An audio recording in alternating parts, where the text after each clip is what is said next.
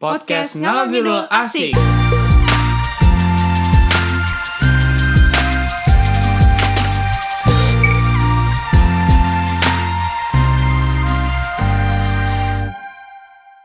Di sini ada Cindy yang suka bacon. Dan juga Andi yang suka hummus. Salam kenal dan selamat mendengarkan.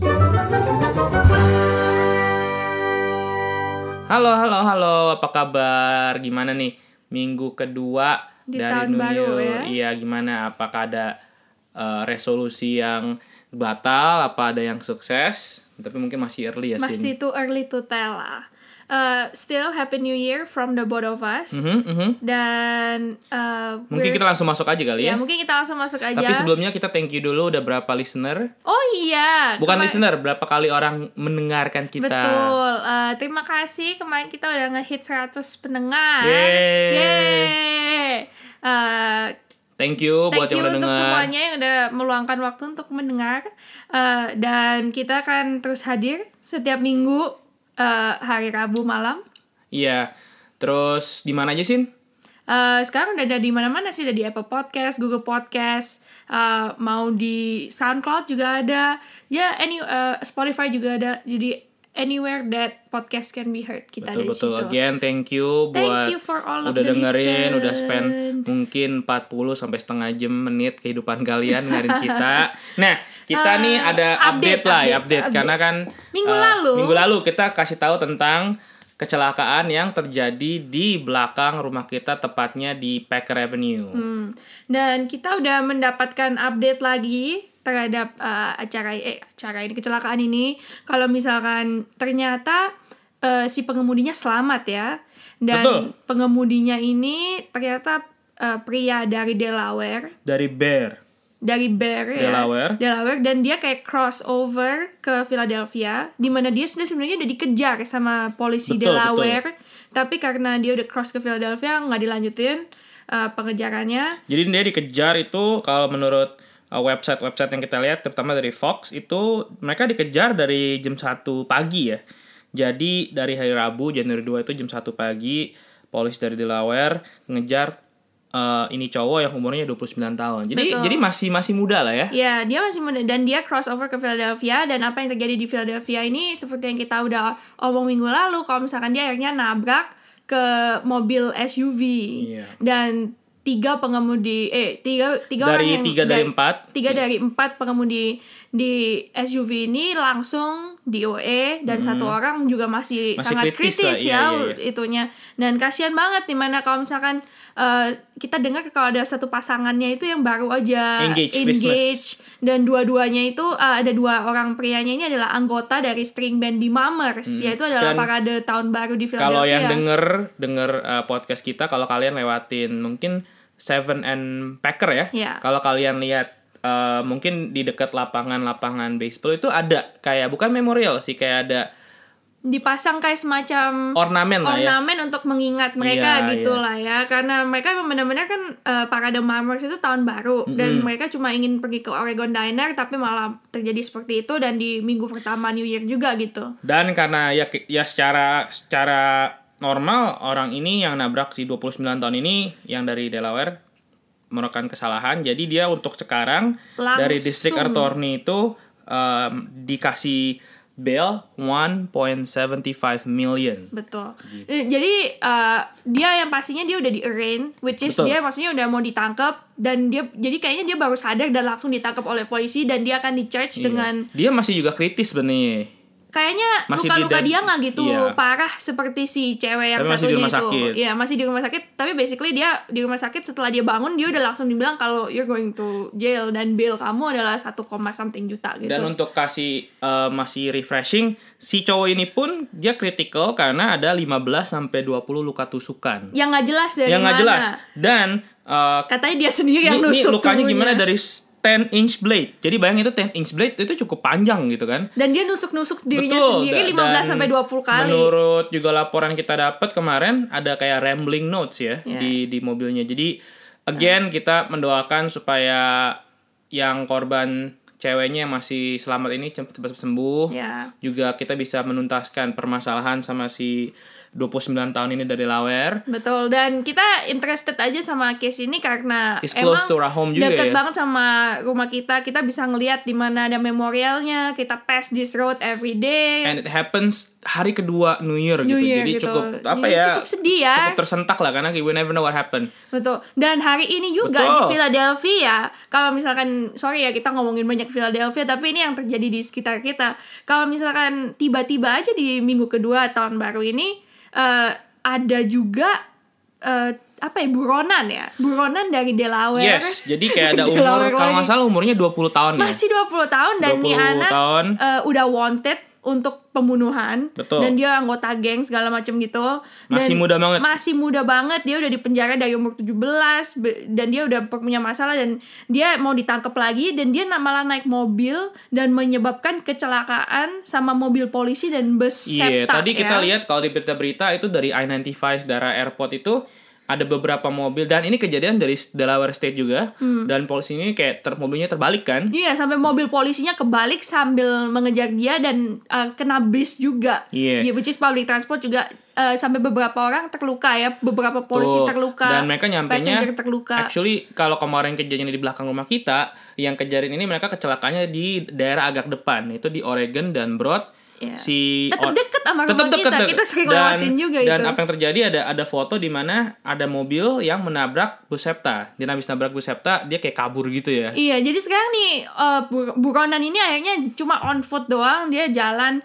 keluar uh, dari rum uh, dari mobilnya dan dia udah kabur lari aja gitu di jalanan sampai semua sekolah di Philadelphia yang daerah-daerah South Philly High School dan beberapa elementary school harus di lockdown Hmm. Betul. Sampai nggak boleh keluar, mereka harus dijemput oleh orang tuanya segala macam Kejadiannya gitu. pun kan siang. Kita pulang dari kantor itu sekitar jam 5 jam 6, kita masih ada polisi, masih ada helikopter. Jadi hopefully Philadelphia Police dan Segera Delaware- menemukan ya. Iya, Tadi kali-kali kita takut ngecek. juga gitu karena ya mungkin susah ya nangkep nih orang mungkin karena kita nggak tahu dia ke mana. Tapi I believe mungkin ada eh, kayak CCTV di toko-toko apa eh, traffic light, traffic cam we never know.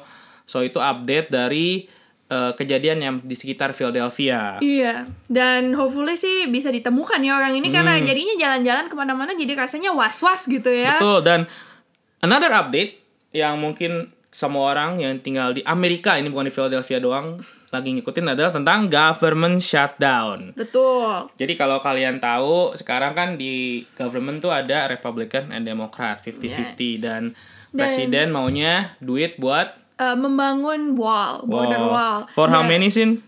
Five point something billion lah ya. Pokoknya it's a lot of money lagi lah, berapa billion gitu. Dan now it's on the day 17 ya, kalau nggak salah of partial government shutdown. Almost three weeks lah ya. Jadi almost three weeks ini ada beberapa bagian government yang nggak bisa jalan, nggak ada duit, eh, dan some people katanya harus work nggak dibayar juga Iya, selama contohnya jadi gitu. contohnya mungkin kalau kita nggak sadar ya itu IRS. Kalau zaman-zaman sekarang kita lagi nungguin Filing buat tax return filean itu ya. nggak ada. Kalau kalian ke Washington DC itu kan kebanyakan museumnya itu free. Sebenarnya itu mereka dari government, ya. Nah, karena governmentnya nggak bayar berarti banyak museum-museum tutup. Ya. Another tempat adalah yang tadi sebenarnya teman orang kantor bilang itu TSA. Karena TSA kan dibayar pemerintah. Iya. Jadi Jadi a juga lot of government uh, entities yang mungkin kita nggak sadarin gitu ya itu mungkin mereka memiliki ha- halangan juga karena sekarang lagi ada government shutdown Betul. dan kelihatannya juga uh, dua sisinya ini masih benar-benar saling uh, diskusi adu, lah adu ya. jotos lah ya, karena mereka masih saling berdiskusi. yang satu nggak mau kasih duit gitu banyak, yang satu demand gitu banyak. Ya. Jadi again it's all about Ya. I mean, we don't wanna be political. Betul. We know where we stand. It's not tapi political, itu cuma tapi keadaan cuma keadaan keadaannya itu Amerika adalah sekarang sekarang kayak iya banyak yang nggak dapat duit karena kita lebih lihat kayak eh, kalau nggak salah beritanya tuh kayak 800 ribu pekerja lah itu basically mereka nggak dapat duit nggak nggak dapat eh, gaji dan bahkan ada mereka yang basically nggak mau kerja gitu. Jadi Yeah. hopefully eh, government bisa reach a conclusion Betul, lah ya biar atau mungkin ada satu sisi yang mengalah lah Betul, you yep, yep, know. yep. Uh, dan hopefully that's gonna be uh, good juga lah Hmm. buat kita. Nah apalagi sih mungkin dari Indonesia lah ya. Mungkin dari Indonesia. Speaking of uh, government kalau misalkan kita tahu di Indonesia uh, bentar lagi ada pemilu ya bulan April ya kalau Yep. nggak salah ya ya April dekat lah dekat bentar lagi lah. Eh, dan sekarang eh, dan kemarin waktu browsing browsing Instagram eh, aku nemuin kayak sebuah trending topik ya, kayak trending account. Ternyata akun parodi eh akun parodi presidential campaign yang namanya Nur Hadi Aldo. Dan Kenapa tuh Sin? dan nama kampanyenya ini disingkatnya kampanye dildo gitu Mhm. karena Nur Hadi Aldo dan uh, basically mereka ini cuma uh, make fun of the whole presidential Kondisi-kondisi campaign dan politik lah kondisi ya. politik ya mungkin mereka juga nggak ada niat kayak social uh, justice atau kayak gimana mereka cuma just wanna have fun gitu ya ini kayak katanya anak-anak muda gitu yang uh, just do a lot of photo editing dan mereka akhirnya uh, me- me- membuka kayak akun Instagram dan akhirnya banyak follower gitu. Dan Pak Nur Hadinya ini adalah ternyata tukang pijet. Hmm. jadi terus terus, terus jadi kayak di foto dan satunya ini yang calegnya eh, eh, apa wakilnya yang Aldonya ini juga katanya orangnya nggak tahu siapa mereka cuma nyomot foto aja gitu. Dan dibikinlah sebuah eh, campaign fiktif dengan eh, calon presiden yang fiktif juga Hmm. dengan quote-quote yang fiktif dan cukup viral sampai kayak eh, beberapa artis-artis di Indonesia ikut-ikut follow dan ikut-ikut komen kasih di- komen Psychoji salah satu Iya. contohnya. Terus apa lagi? eh ya jadi kayak lucu aja gitu kalau misalkan kita ngelihat eh kalau misalkan di Amerika nggak pernah ngelihat yang sampai kayak gini-gini ya ini kayak cuma di Indonesia Ini yang- mungkin juga pertama kali Indonesia seperti ini gitu kan? Iya, Karena ya bikin-bikin kayak akun-akun Instagram fake, semuanya fake, tapi Hmm. mereka bikin sampai header, mereka sampai bikin kayak partai. Nama partainya kalau disingkat jadi disensor lah Iya, gitu. iya, iya. Dan untuk hal yang lebih serius, kalau kal- kita ikutin juga berita di Indo, sekarang ada lagi marak artis-artis ketangkep prostitusi online, Betul, iya kan? itu juga yang kemarin lagi hot lagi ya. hot gitu. Terus em, ya mungkin jujur dari antara kita berdua kita kayaknya udah kurang lebih tahu lah karena nggak mungkin kalau kita lihat di Instagram artis nggak udah lama main kok tetap masih ada uang gitu kan. Jadi kalau ternyata mereka ada yang ditangkap dan menurut informasi dari website-website ternyata nggak satu dua doang bahkan yang ketangkap satu ternyata Ini katanya jaringan ya. jaringan bahkan ini ada yang bilang ada yang bilang 40 lebih artis dan model-model dari Instagram, Telegram. Jadi, Hmm. Jadi ya sebenarnya kayak prostitusi kartel gitu. betul dan mereka prostitusi online kalau kita baca itu nggak pakai internet, malah lebih keren Indonesia, pakai WhatsApp. ya kan? Jadi ada So WhatsApp. secure, secure Iya, dan ada dan dan mereka bakal kasih list gitu. Jadi waktu cari berita mereka kasih list inisial-inisial yang mungkin kita bisa nebak lah. Eh, dan itu biayanya kayak 80 juta sampai ada yang 200 juta.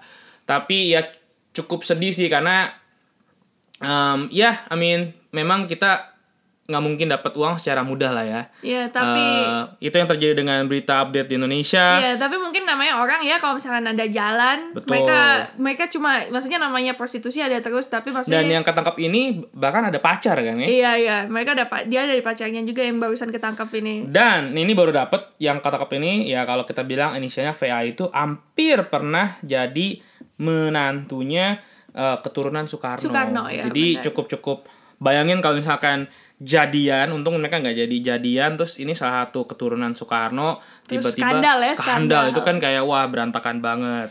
Iya, tapi maksudnya namanya eh crime eh, crime-nya ini selalu ada kan. Hmm, tapi tiap tahun kayaknya ada lah. Ya tapi cuma kayak mereka menemukan cara baru untuk yang ini eh, artisnya rada terkenal. gitu ya. Ya, makin lama kan artisnya mungkin dari yang nggak terkenal jadi terkenal. Biasa kan narkoba ini sekarang prostitusi online Ya. segala macem.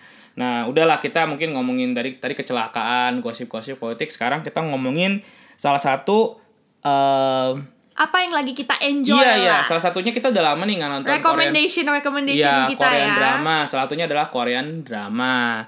Jadi kita lagi mulai Korean drama lagi. Nah, apa sih Korean dramanya? Eh, ya jadi kayak eh, kita kadang-kadang lagi ada momen di mana kita suka nonton serial barat tapi sekarang kita lagi balik lagi ke serial Korea. Kita lagi nonton serial I Am Not a Robot.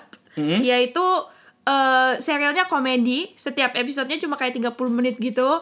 Dan lucu. Lucu gak sih? Lu- Hmm. lucu banget. Eh, komedi gitu. Dari awal-awal kita udah bisa nebak lah. dari awal-awal kita udah bisa ngeliat dan ceritanya. Jadi ada seorang uh, wanita yang dia entrepreneur dia kayak susah make ends meet gitu Tapi kayak sering-sering gagal kan. ya dan dia sangat sering gagal dan uh, dia tiba-tiba bertemu dengan uh, mantan pacarnya yang ternyata membuat robot dengan muka dia Tapi gitu mesti di background dulu kita fla- apa agak mundur. Kerjaan nih cewek apa sih? Uh, kerjaan ini cewek ini uh, macem-macem Iya. Dan salah satunya itu adalah dengan uh, kayak waiting in line Iya, ya jadi kalau misalkan di sini kan ada Black Friday, orang harus nunggu di depan pintu Black Friday kayak sehari Ya. sebelumnya. atau buat barber yang limited Iya. edition gitu dia wait in line for other people ada gitu satu saat dia basically. ketemu satu klien betul. betul Nah, dan kliennya klien nggak mau bayar Klien ini punya kelainan, yaitu kelainannya apa? Penyakit oh, ya. Iya, kliennya nggak mau disentuh. Kalau misalkan disentuh dia bisa alergi gitu. Dia kayak miliuner, terus dia kaya, Hmm. Bilioner kali. bilioner, dia pengusaha kaya dan dia nggak bisa disentuh orang. Dan dia ternyata ini eh, nanti ada hubungannya, yaitu dia membutuhkan robot di mana yang bisa menemani dia karena dia kesepian. Dan, dia nggak bisa sentuh manusia. Ya, jadi kalau robot nggak apa-apa. Tapi kalau misalnya robotnya ini kan dibikin oleh mantan pacarnya si cewek tersebut. Dan tiba-tiba robotnya malfunction. Jadi eh, si cewek ini harus pura-pura eh, menjadi robot android eh, di eh, dan masuk di rumah cowok kaya ini. Nah, itu kan ada segi cintanya. Nah, ternyata di balik segi cintanya biasa kalau drama-drama Korea tuh pasti ada segi-segi lainnya. Nah, segi-segi lainnya ternyata dalam dunia bisnis si cowok kaya ini ada intrik-intrik yang mungkin pengen menjatuhkan dia atau Iya. ada korupsi di company Betul. dia. Dan gitu. biasanya juga ada comic relief. Comic Betul. reliefnya itu adalah the team yang membuat robot ini sendiri gitu. Hmm. Dan ketika cewek aslinya ini ketemu cowoknya, cewek aslinya kayak ada rasa-rasa cinta apa langsung Atau love, suka at, love gitu ya. as the first sight gitu Benci-benci ya. suka gitu ya. Jadi kalau Eh, kalian pengen nonton apalagi judulnya sih Namanya I Am Not a Robot. Ini udah serialnya udah rada lama, udah finish, adanya di Viki. Jadi eh, bisa nonton Korean bareng-bareng. drama, yes, yes, yes, yes. Kita hanya ikut lagi Korean drama. Nah, Eh, lepas dari drama, dari show, kita beralih ke game. Ya, kita baru juga mendapatkan satu game baru untuk konsol Nintendo Switch kita.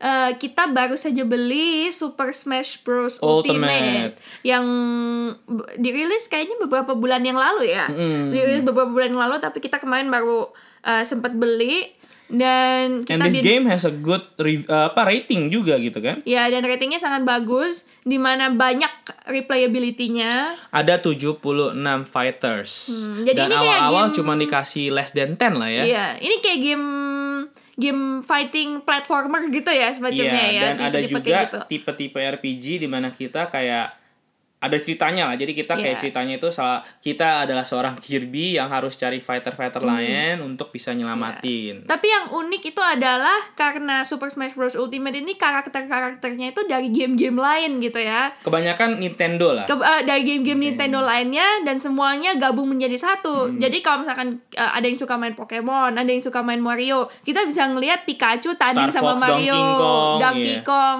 eh, Kirby. Jadi semua game-game ini karakter-karakternya semuanya bisa jadi satu. Zelda juga. Dan walaupun mungkin kayak buttonnya, move-nya sama, cuman setiap mereka punya Kekuatan yang ciri-ciri berbeda. lain-lain. Ada eh, yang mungkin uh, jarak dekat, ada yang pisau, ada yang laser, ada yang kuat segala macam. Jadi unik aja karena uh, kita nggak pernah bosen dan dan kombinasinya bisa unlimited ya gitu betul. ya. Dan untuk awal-awal kita itu harus mendapatkan fighter-fighternya. Uh, jadi kita nggak nggak langsung dikasih 70 fighter, kita cuma mulai kayak seperti yang kita dia diomongin, uh, kita cuma mulai oleh dengan la- 8 fighter doang dan setiap kayak kita fight, kita bisa ada kesempatan untuk mengalahkan karakter baru dan dia bisa ditambahkan ke dalam roster kita. Jadi it's a lot of dan hours. bisa main lebih dari lebih dari empat lah, lebih Iya, dari empat katanya bisa maksimum 8 orang. iya. Jadi ini good party game, kita main berdua aja udah seru gitu. Dan ini kalau misal, misalkan kalian suka Mario, ada Mario. Misalkan kalian suka Donkey Kong, ada Donkey Kong.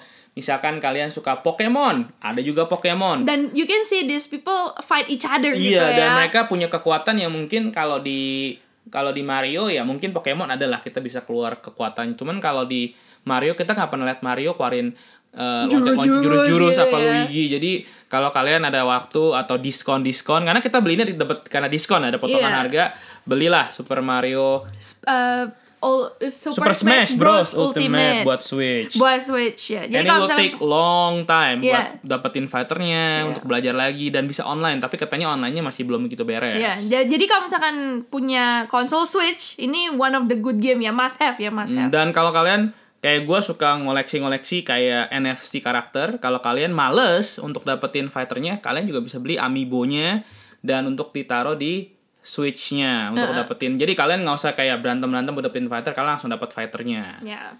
Ya, jadi that's a good game kalau misalkan kalian punya Switch as you know kita already mentioned Switch a couple times before. We love the device. It's a good investment for three hundred dollars. Mm-hmm. Uh, and the next It's about food. is about food. Kita punya recommendation bagi kalau misalkan orang di Philadelphia, oh di Amerika lah in general. Kalau misalkan kalian uh, tahu yang namanya Paris Baguette. Beket. Baguette. Iya.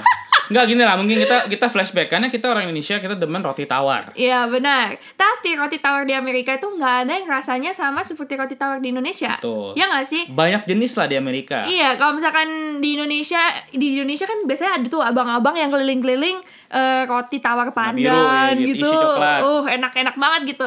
Tapi kalau misalkan di sini yang namanya white bread itu very dry dan nggak kayak roti lah ya buat Rasanya kita. beda lah. Terus mereka juga ada yang gandumnya ini, gandumnya itu. And Or- very plain. Taste itu mungkin gitu. tergantung tergantung orang-orang. Nah, kemarin kita ke Chinatown Ya, dan kita pergi ke Paris Baguette dan kita emang biasanya selalu beli milk bread mereka gitu seperti roti Atau tawarnya curry bread. Atau curry breadnya atau we buy other stuff. Uh, I like their uh, moist cake juga itu enak.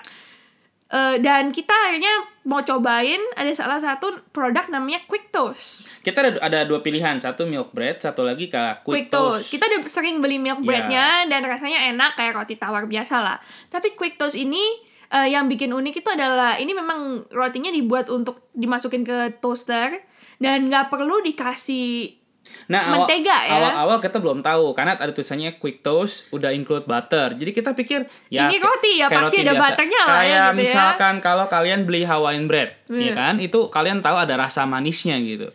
Tapi kan kita nggak bakal tahu kalau kita belum makan. Nah, akhirnya pas kita pulang, we put that in on the toast. Dapat terjadi tercium bau-bau mentega. butternya pun enak ya. Ya, jadi kalau misalkan uh, rotinya itu emang bener-bener nggak perlu dikasih mentega lagi dan itu udah ada kayak minyak-minyaknya gitu keluar dari Hmm. Kalau kita mungkin grow up di Indonesia, apa kita mungkin uh, suka sama roti Indonesia, itu biasa orang Indonesia pakainya roti dan blue band. Iya. ya kan? Dan kadang-kadang kita roti blue band dan meshes. Kalau beli roti ini, kalian nggak butuh mentega. Ya bener. Tapi kita sebenarnya kada maruk juga, maksudnya kayak kita fan fan fan girling and fun boying over a bread. Tapi itu emang enak banget rasanya dan baunya wangi. wangi. Jadi kalian bisa bayangin pagi-pagi kalian tinggal toast, kalian mandi, sikat gigi, bla bla bla ke bawah, udah jadi, tinggal goreng telur, pet, taruh bagi dua, jadilah sebuah sandwich tanpa mentega dan menteganya pun wangi gitu kan. Iya.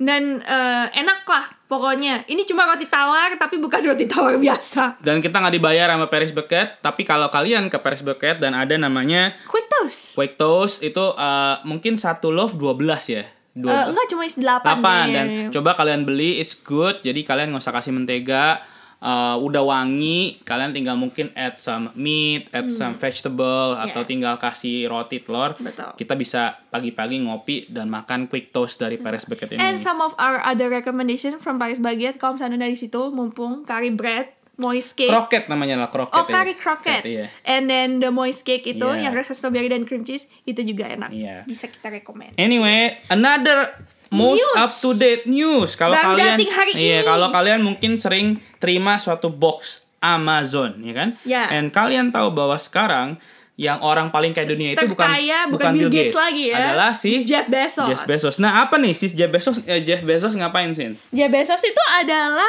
foundernya Amazon ya kok ya. CEO founder lah. CEO founder ya pokoknya Dan, dan, apa dia yang itu dia lakukan hari ini? Oh, dan dia kan the one of the richest, the most richest person in Kaya lah. eh, pokoknya dia kaya lah.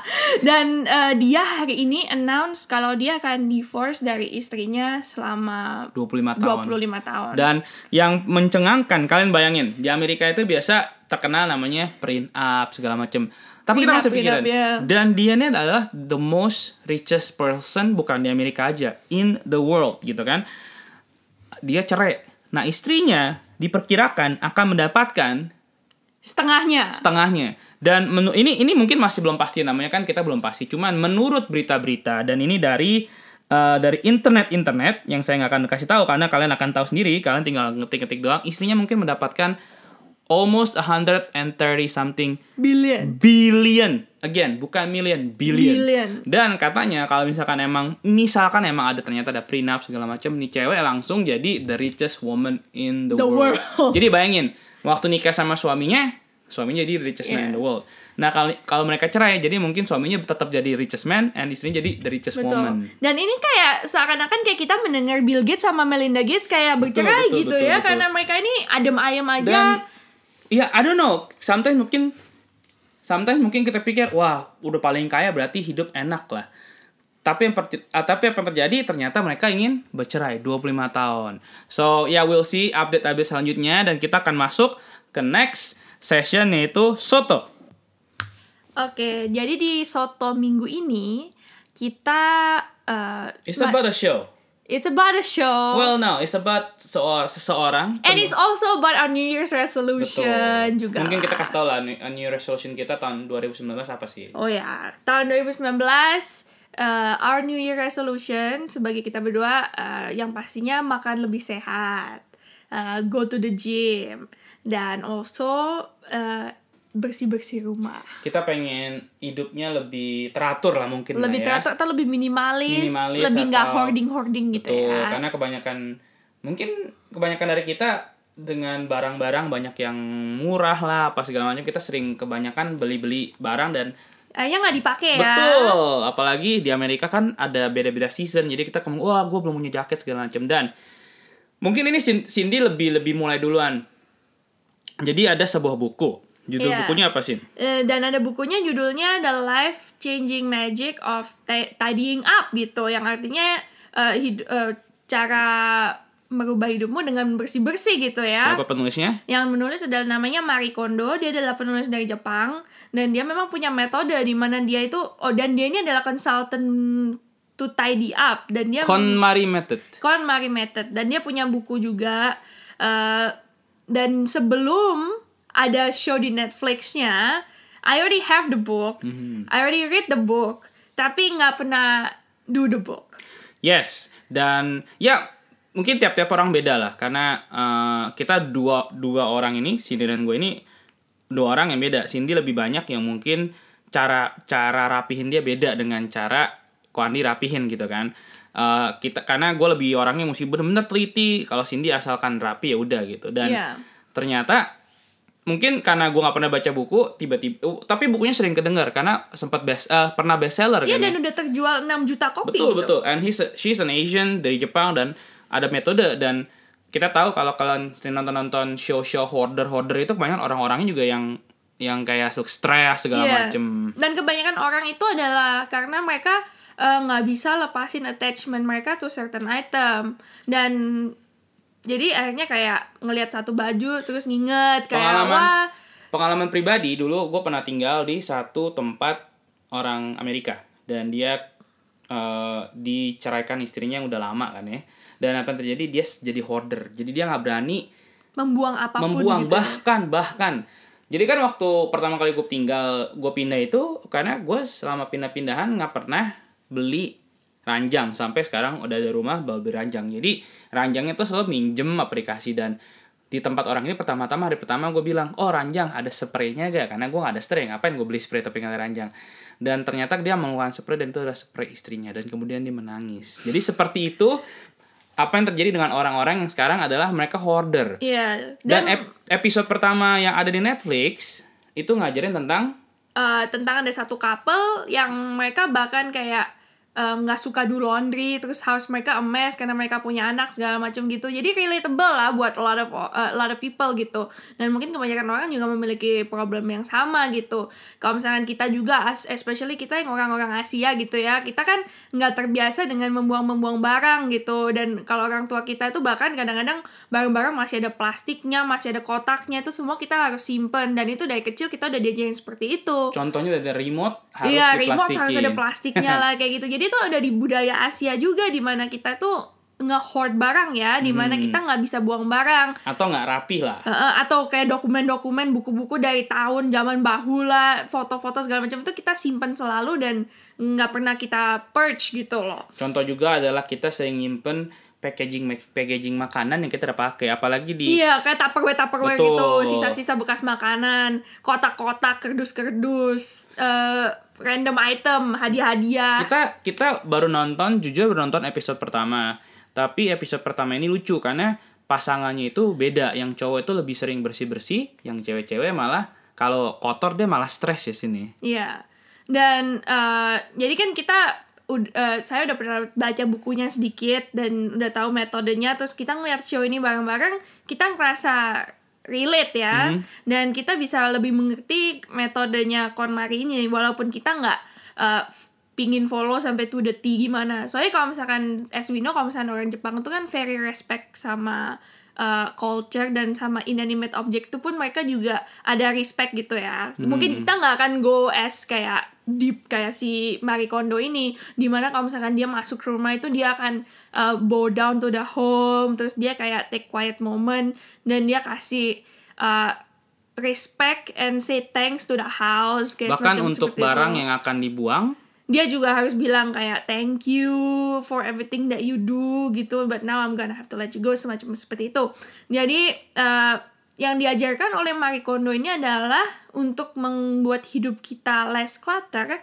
adalah untuk menyimpan hanya barang-barang yang bisa membuat kita bahagia mungkin lebih ngomong ke prioritas lah ya. Iya. Karena kita kan ya kalau kita memprioritas, bis contoh memprioritaskan sepatu kita, berarti kan kita bahagia dengan sepatu itu, kita nyaman dengan sepatu Hmm. itu, kita bangga dengan memakai sepatu itu dan jujur kita berdua punya sepatu banyak banget, Iya, tapi nggak semua sepatu itu bikin kita happy. membuat kita senang gitu. Iya. Itu mungkin yang benar-benar kita bilang kayak gue suka banget tuh pakai sepatu. Itu tuh cuma satu dua sepatu tapi malah kita menyimpan sepatu-sepatu yang mungkin nggak cukup atau, memang udah jelek. Lama-lama nggak enak. ya soalnya udah kemarin juga uh, aku baru buang satu sepatu walaupun itu kayak bagus dan itu udah lama beli juga dan udah pakai lama enak tapi solnya itu udah tipis banget dan setiap kali pakai pun sakit. Jadi kayak buat apa disimpan lagi? Apalagi kalau kalau contoh paling gampang adalah baju lah ya. Kita Iya. mungkin semua ada baju kita yang udah belel banget yang kita pakai udah kayak robek-robek buat tidur. Iya. Sebenarnya kan ya kita punya lah mungkin baju lain lagi 5 bisa dibuat- dolar lah kalian pergi ke mungkin nggak 5 dolar kali. Kalau mungkin kalian ke Walmart beli yang cowok apalagi bisa ada packaging Hanes itu berapa sih 10 dolar kita bisa beli. Nah, contoh seperti itu yang mungkin diajarin sama si Mary Kondo. Iya, di mana kita kalau misalkan barang itu memang kalau misalkan kamu pegang di tangan, terus kamu lihat Ngapain ini nih gue punya nih? I don't wanna wear it, Iya. I don't wanna have it. Mungkin udah kekecilan Mungkin juga. udah kekecilan, mungkin ini cuma Udah tua lah ya. yang tersisa tuh paling cuma kayak sentimental memory oh kayak oh this is the shirt that I wear waktu pertama kali kencan atau kayak Hmm. gimana seperti kayak gitu mungkin tapi you don't need that shirt in your life anymore. Jadi you just have to say ya udahlah.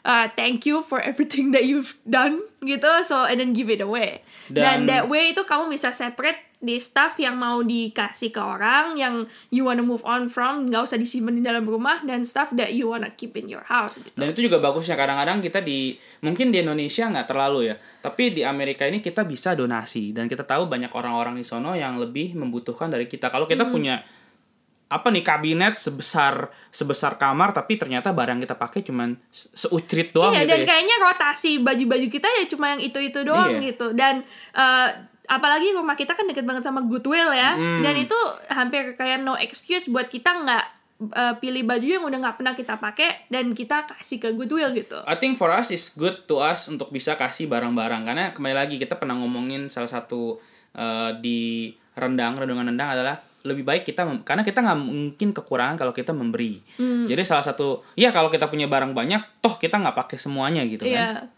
Kita cuma punya satu badan. Iya. Ngapain baju kita ada kita, ratusan ju- gitu kita ya. juga laundry kecuali kalian bener-bener males laundry seminggu sekali kalian buang dan salah satu cara uniknya si KonMari method adalah cara ngelipet Iya benar dan katanya sih eh, salah satu alasan kenapa kita kadang-kadang itu punya satu barang yang mungkin spark joy buat kita tapi kita nggak pernah pakai itu adalah karena kita nggak store it properly ya. Karena kita nggak menyimpannya dengan ya. baik jadi nggak kelihatan. Jadi mereka memiliki eh, jadi dia ini memiliki metode untuk ngelipet semuanya dalam eh, setengah terus jadi sepertiga. Jadi eh, setiap piece of clothing itu bisa berdiri betul on its betul. own. Basically agar kelihatan lah Iya, intinya dan kalau misalkan cara nge me- merapikannya itu adalah di store seperti kayak file. Mm-mm. Jadi seperti dokumen gitu, jadi kayak bangun-bangun. Jadi kalau misal eh, berdiri-berdiri, jadi kalau misalkan mau mencari itu gampang gitu. atau Kayak dari kaos atau ukuran apa, atau iya. dari season atau mungkin pakaian dalam yang nggak mungkin buat baju tidur mungkin pakaian dalam pakaian dalam kaos Iya. Jadi, kaki kaos kaki eh, dia dia advice-nya sih eh, untuk membeli drawer di mana bisa disimpan seperti kayak file folder Drawer gitu dan kotak-kotak kecil ya, dan kotak-kotak kecil dan that way uh, kalian bisa kayak ngelihat semua yang apa yang kalian punya dan untuk masukin dan nyimpen barang tuh juga lebih mudah di masa depannya. Uh, this is something that kita resolution ya kita memang biasanya kan orang juga bersih bersih tuh waktu spring ya waktu sesudah winter udah mulai bersih bersih dan satu kita rumah. menyadari barang kita walaupun mungkin nggak rumah kita nggak hoarder banget cuma kita menyadari bahwa hey it's time for us untuk kayak bisa lebih minimalis lah ya untuk Iya. lebih bisa kita juga sorenya barang ba- baju-baju kita juga belum ada yang bolong kita bisa kasih ke orang ya why not Ya, jadi itu salah satu resolution kita. Kita akan purge our closet, buang-buang barang-barang yang kita nggak pakai lagi. yang kita akan bring us joy lah nggak bring us joy. Uh, kita akan donasikan dan mungkin kita akan uh, store it better. Di mana karena kita kan um, mungkin kita punya resource-nya tapi kita nggak menyimpannya dengan baik. betul gitu. betul mungkin ti- tiba-tiba pas kita beresin ya ini baju yang gue harus dari dulu gue percaya cari baru ada gitu Iya Dan- kadang-kadang nyari-nyari baju tuh Betul. I- like sometimes in the morning gitu kalau misalkan lagi siap-siap mau ke kantor eh, kayak wah mana Kantor. sih itu kantor kayak mana sih celana itu gitu like that exact pen you know what it looks like tapi you Dan- cannot find it Dan bagusnya untuk kita hidup bukan ini bukan hanya sekedar ngelipet baju beres-beres tapi untuk meng- melatih pemikiran kita. Karena kadang-kadang oke kita semua sekarang sekolah atau kerja. Kita pulang maunya hidup kita kayak teratur lah ya. Ada kalau bisa ada makanan segala macam. Tapi bayangin kalian pulang eh eh, ini ini kayaknya bukan kita nggak bilang alasannya oh karena gue punya anak. Nggak karena di episode pertama juga orang ini punya anak dan at the end mereka bisa beresin gitu kan.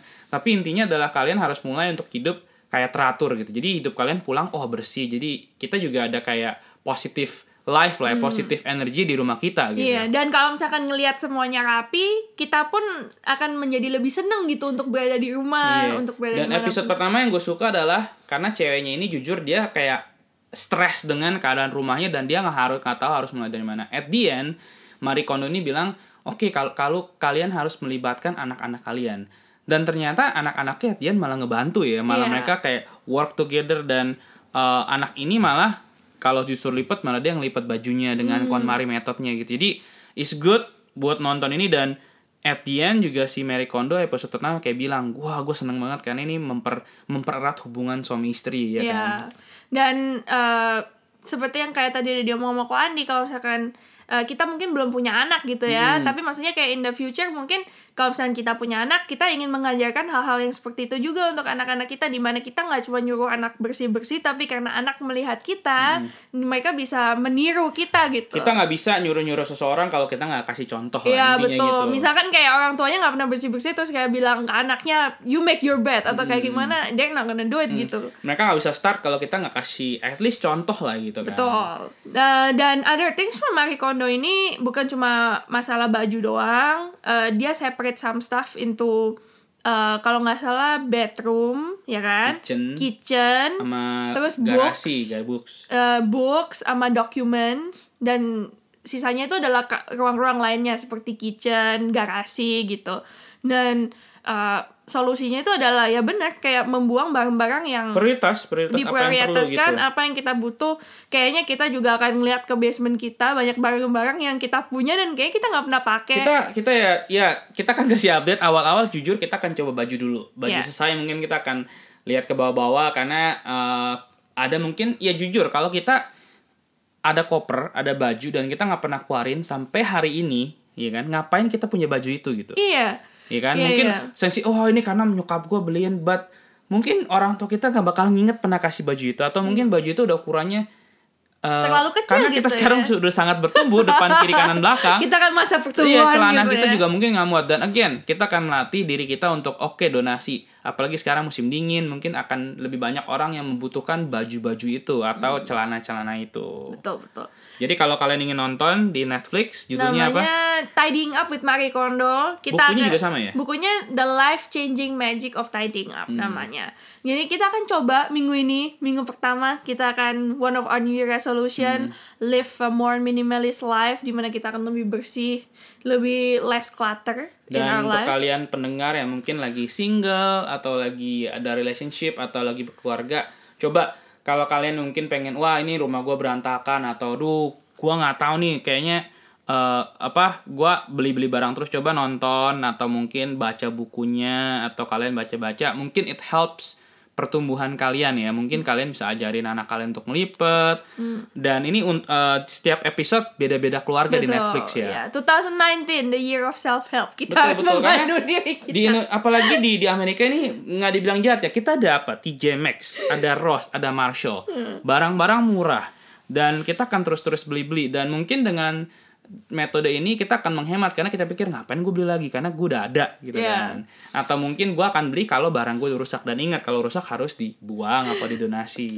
Betul. Dan lucunya itu aja cuma kayak banyak gitu ya meme sekarang kan. Kayak ngomongin kayak Netflix ini sekarang benar-benar mengatur hidup kita gitu. Kayak eh, dengan mereka merilis sesuatu yang seperti ini dia kayak membuat banyak orang eh, mau untuk bersih-bersih rumah. tapi yang ini bagus lah at least kan mengajarin satu hal yang positif Betul. Eh, yang pasti kita udah tahu juga beberapa teman kita kayaknya juga udah memulai. Yes, yes. Mereka Kayak- udah show-show up di Instagram, mereka nonton.